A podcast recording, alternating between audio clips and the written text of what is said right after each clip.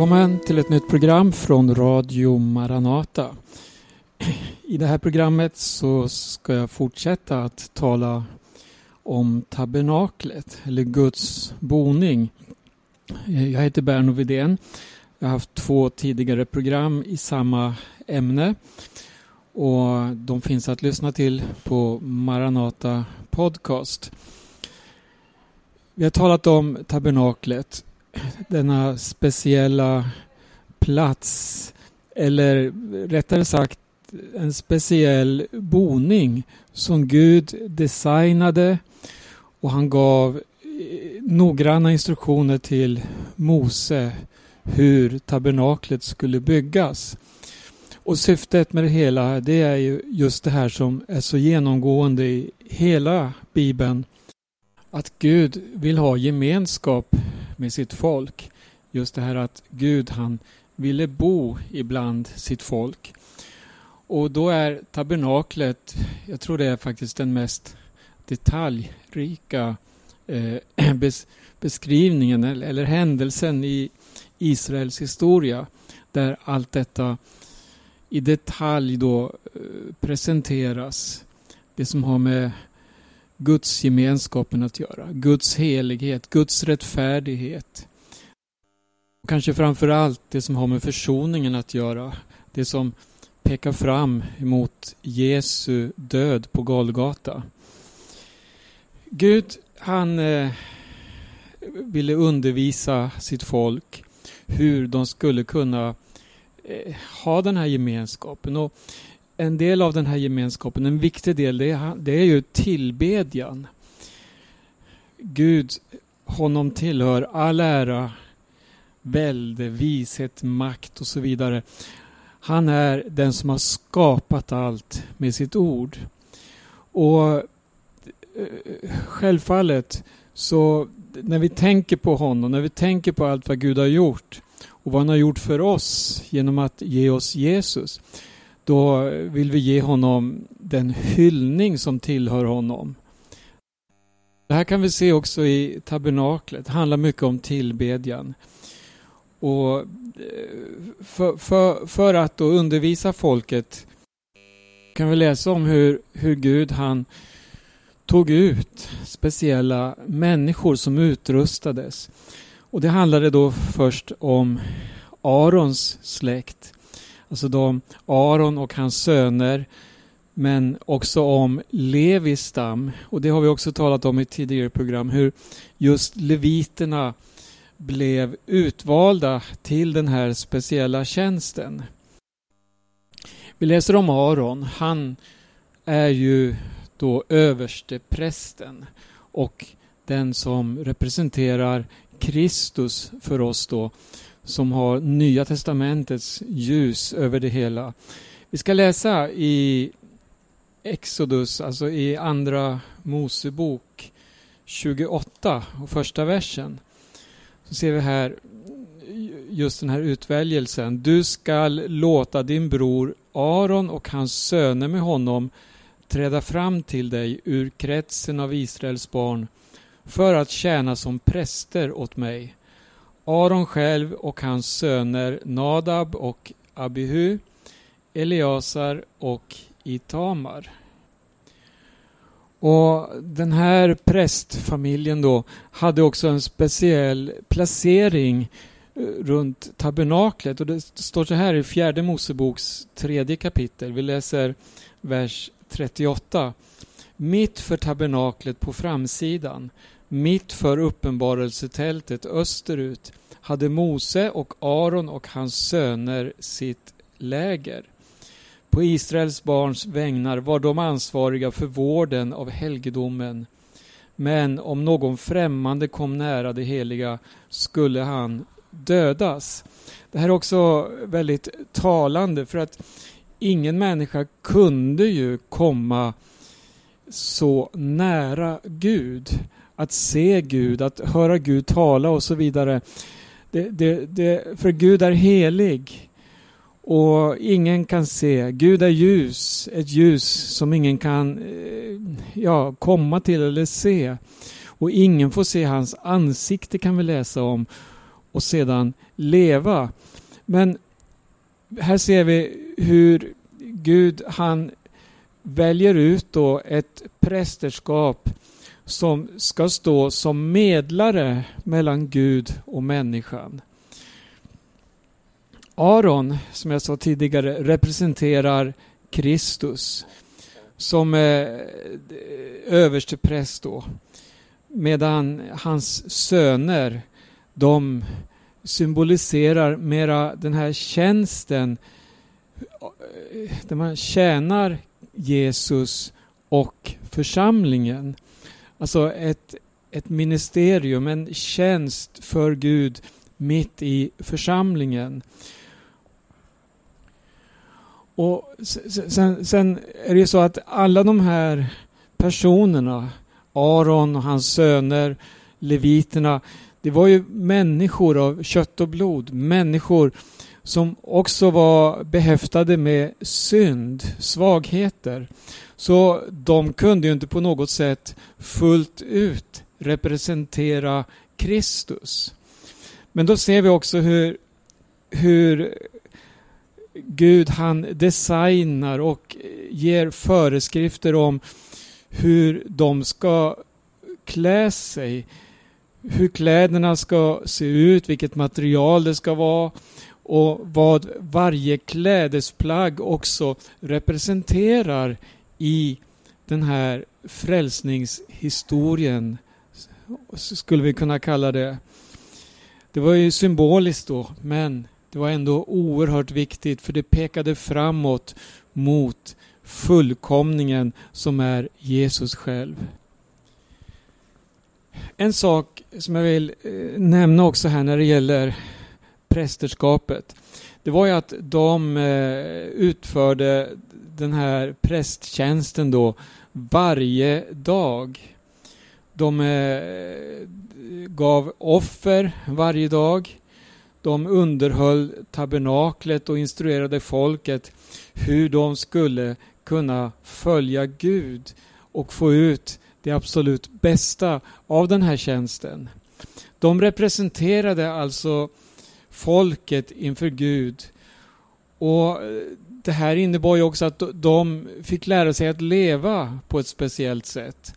De eh, behövde leva ett liv som eh, var fritt från det vi kallar då att leva världsligt. Ehm, men så kom ju Jesus och det är det det hela handlar om. Han är ju nu vår överstepräst. Vi behöver ingen annan präst. Vi behöver inga fler offer. Prästerna i Gamla Testamentet, de eh, offrade dagligen och de offrade något som aldrig helt och fullt kunde ta bort synden. Som ingenting av det de gjorde kunde befria helt och fullt från den synd människan bär på. Men så kom Jesus. Han gav sitt liv en gång för alla på korset. Han lät sitt blod flyta för din och min synds skull. Och inte bara det, han befriade oss från synden en gång för alla. Så nu behövs det inte längre något offer. Det behövs inte längre några skuggbilder. Utan vad vi håller på med här nu det är att se vad var det som Gud förberedde genom att ge uppdraget att bygga tabernaklet. Eh, Aron, översteprästen, han fick ju en väldigt speciell kallelse att vara då Kristi förebild kan vi säga för nationen Israel. Men så kom Kristus och då ser vi hur alla gränser sprängs direkt. Han deklarerades av Gud att vara överstepräst, inte bara för Israel utan för hela världen. Jesus han var den perfekta som i allt uppfyllde allt. Det fanns ingen synd i honom, ingen synd hos honom, utan han levde ett liv syndfritt. Guds egen son som blev människa. Vi ska, jag ska titta lite på några eh, saker som skiljer då prästerna i, i den här levitiska ordningen från Kristus, vår store överstepräst. Prästerna, de var syndiga. Jesus, han var utan synd. Prästerna var ju alltså begränsade och eh, felbara kan vi säga. Men Jesus, han var helt ofelbar. Det fanns många präster. Men Jesus han var ensam. Han var en enda präst.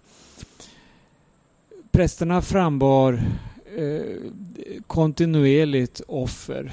År efter år, vecka efter vecka, dag efter dag. Och varje år så bar man fram offer in i det allra heligaste. Men vad står det om Jesus? Han gav ett enda offer. Och det han gav det var sitt eget liv. Alla präster vi läser om, de har ju dött. Jesus han dog också, men han dog för våra synder. För att vi skulle få liv. Och vad hände sen? Jo, han uppstod och han lever för alltid.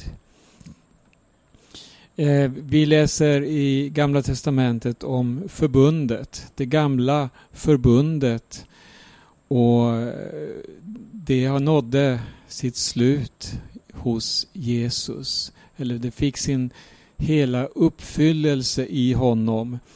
Och i Jesus så har vi ett nytt och ett evigt förbund. Prästerna de var ju redskap också som blev utrustade för en speciell tjänst då. Men de hade ingen kraft i sig själva.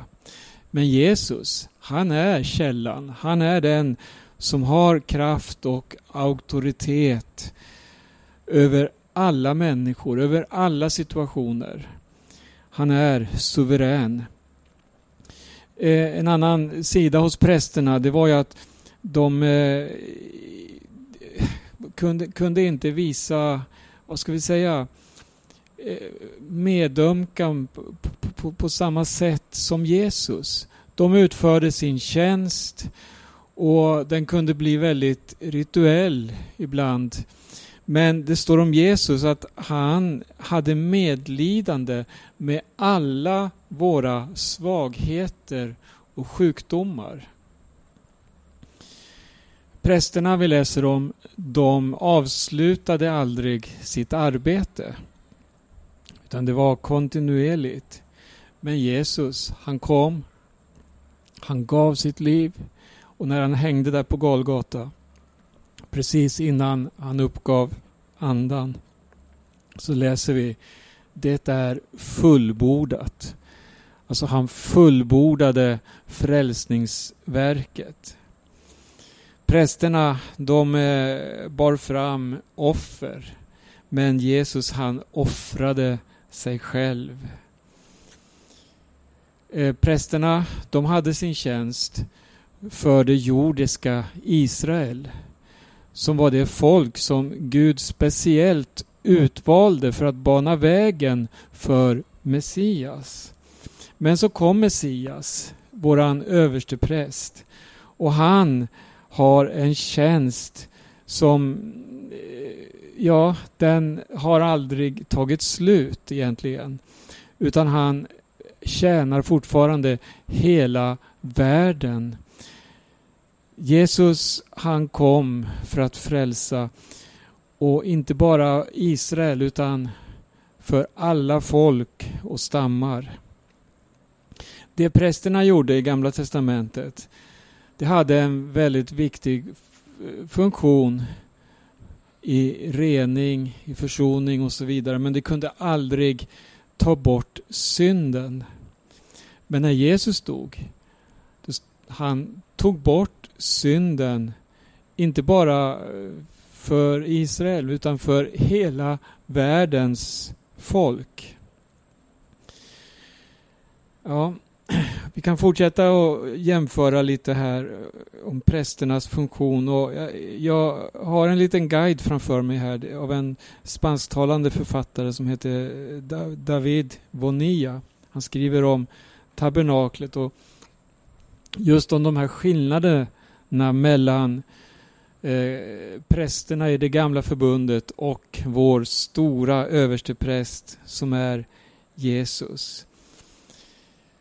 De eh, prästerna då i gamla förbundet de hade en, en eh, begränsad i tid och föränderlig tjänst på ett sätt. Men Jesus han är för alltid och oföränderlig. Prästerna talade om någon som skulle komma, eller de var en förebild på honom som skulle komma. Jesus kom. Och det blev en verklighet som uppfylldes i och med att Jesus kom. Prästerna, eller översteprästen, gick ju in en gång varje år i det allra heligaste. Aldrig utan blod. Det här var väldigt viktigt. Det skulle gå utifrån en speciell procedur. Det skulle vara speciellt djur, speciellt offer som skulle offras på ett speciellt sätt. Det här kommer vi förmodligen att komma till längre fram i våra studier här om tabernaklet. Men eh, de skulle in i det allra heligaste en gång varje år och be om försoning för folkets synder. Men hör, först för prästens egna synder och sedan för folkets synder. Men vad hände med Jesus? Han gick in i det allra heligaste. En gång för alla. Inte med kalvars och bockars blod, men med sitt eget blod. Kalvars och bockars blod kan aldrig ta bort synden. Men Jesus gick in i det allra heligaste. Nu kanske du undrar eh, hur Jesus gick in då i templet i Jerusalem. Nej, det handlar inte om det. Det var förebilder, en skuggbild av det som skulle komma. Det är samma med tabernaklet. Det talade om något mycket större, något mycket viktigare som skulle hända. Det var nämligen att Jesus skulle gå in i det allra heligaste, i det himmelska, äkta templet som inte är en förebild utan där i det himmelska eh, templet gick Jesus in i det allra heligaste med sitt eget blod och visade upp sig. Det perfekta offret, försoningen, lösningen för hela mänsklighetens synd. Det gjorde Jesus. Ja, prästernas tjänst var ju begränsad som vi förstår, men inte Jesu tjänst. Den är helt obegränsad. Den öppnar vägen för alla människor att få evigt liv i Herren Jesus Kristus. Eh, vi, talade lite om klädnaden och eh, översteprästen hade ju speciella kläder, också prästerna. Eh, de var ju kläder som någon då fick klä på sig trots att de var syndare. Men så ser vi Jesus. Hans klädnad, den var komplett ett med hans egen person. Alltså han var rättfärdigheten personifierad, heligheten personifierad. Prästerna de smordes in för sin tjänst utav Moses först då, som vi kan läsa om i Moseböckerna. Men Jesus han smordes av Gud. Det här var lite skillnader eh, Eh, där vi ser hur Gud han använder sig av bristfälliga människor. Men något som ändå var viktigt, det var ju att de här prästerna hade med sig hjärtat i det de gjorde. Här kan vi läsa eh, flera olika eh, berättelser, händelser. dels om, om Arons söner, något som ledde till en tragedi. För att de fick eh, tydliga instruktioner utav Mose, vad Gud hade sagt om hur de skulle uppföra sig när de gick in i templet för att tjäna. Men ändå så gjorde de eh, precis tvärtom. De eh, gick i högmod in. Exempelvis det står att de fick inte ta med främmande eld in. Men det var precis det de gjorde och det ledde till att de föll döda ner. Så viktigt var det med de här förebilderna. Även om det bara var skuggbilder så fanns det en verklighet att Gud ville ha sin boning bland sitt folk. Och då var det viktigt att heligheten var med, att hjärtat var med. Och det, det, finns andra berättelser i Gamla Testamentet. Exempelvis har vi en präst som hette Eli. Han hade två söner som också var präster. Och de eh, tjänade som präster på ett väldigt dåligt sätt. De eh, tog utav offren för egen vinning.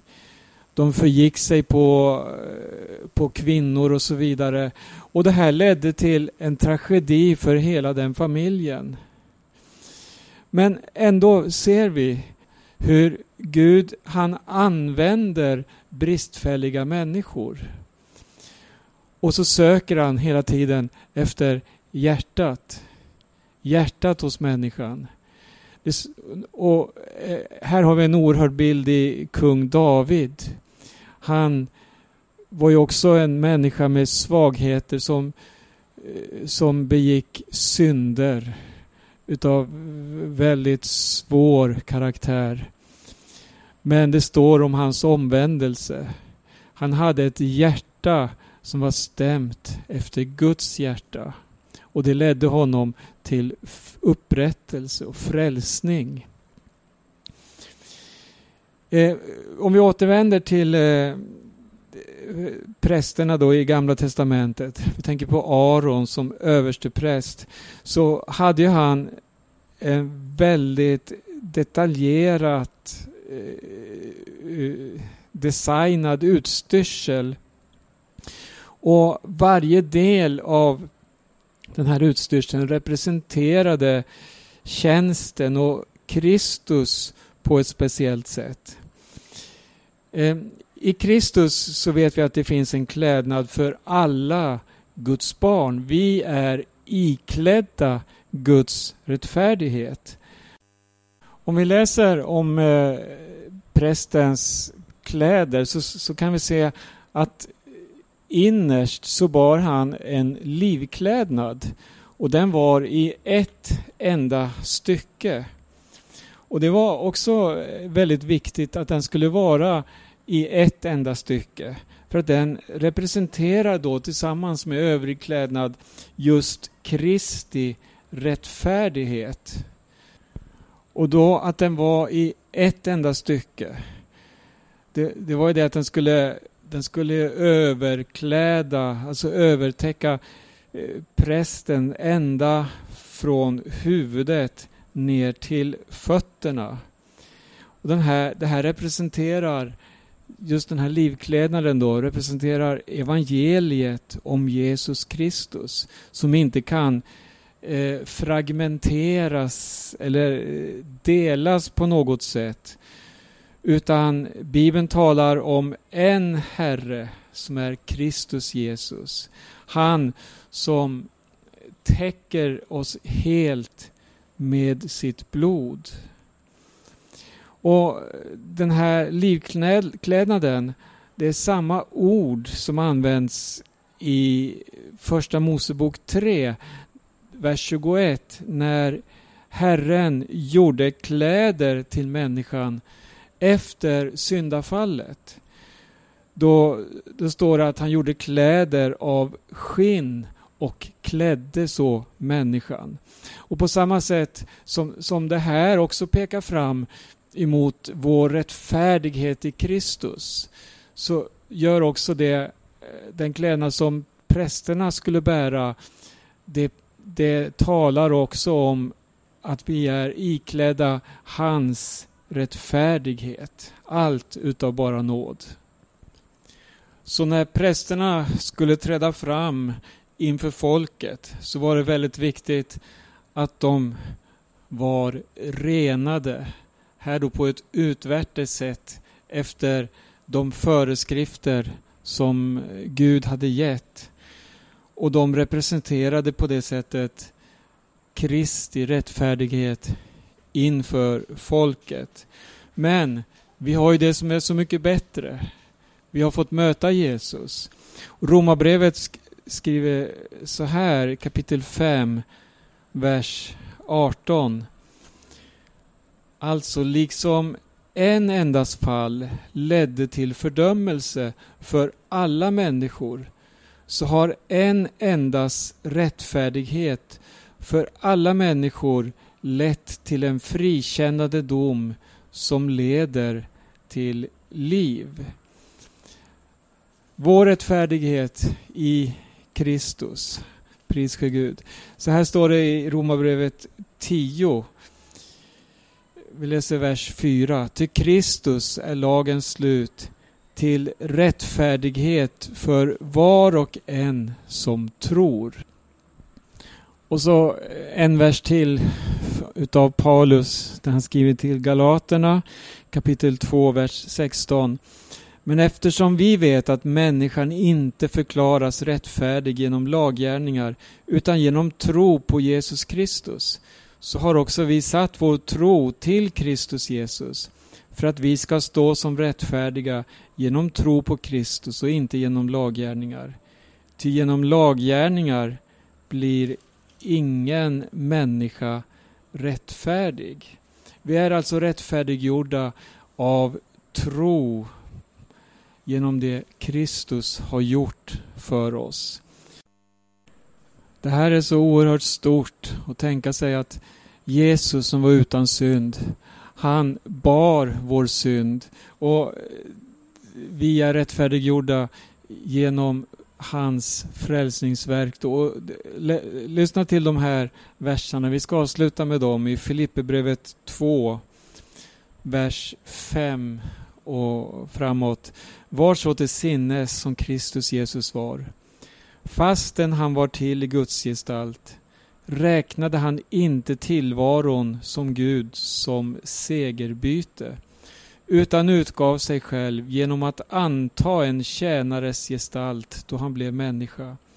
Han som till det yttre var som en människa ödmjukade sig och blev lydig ända till döden, döden på korset.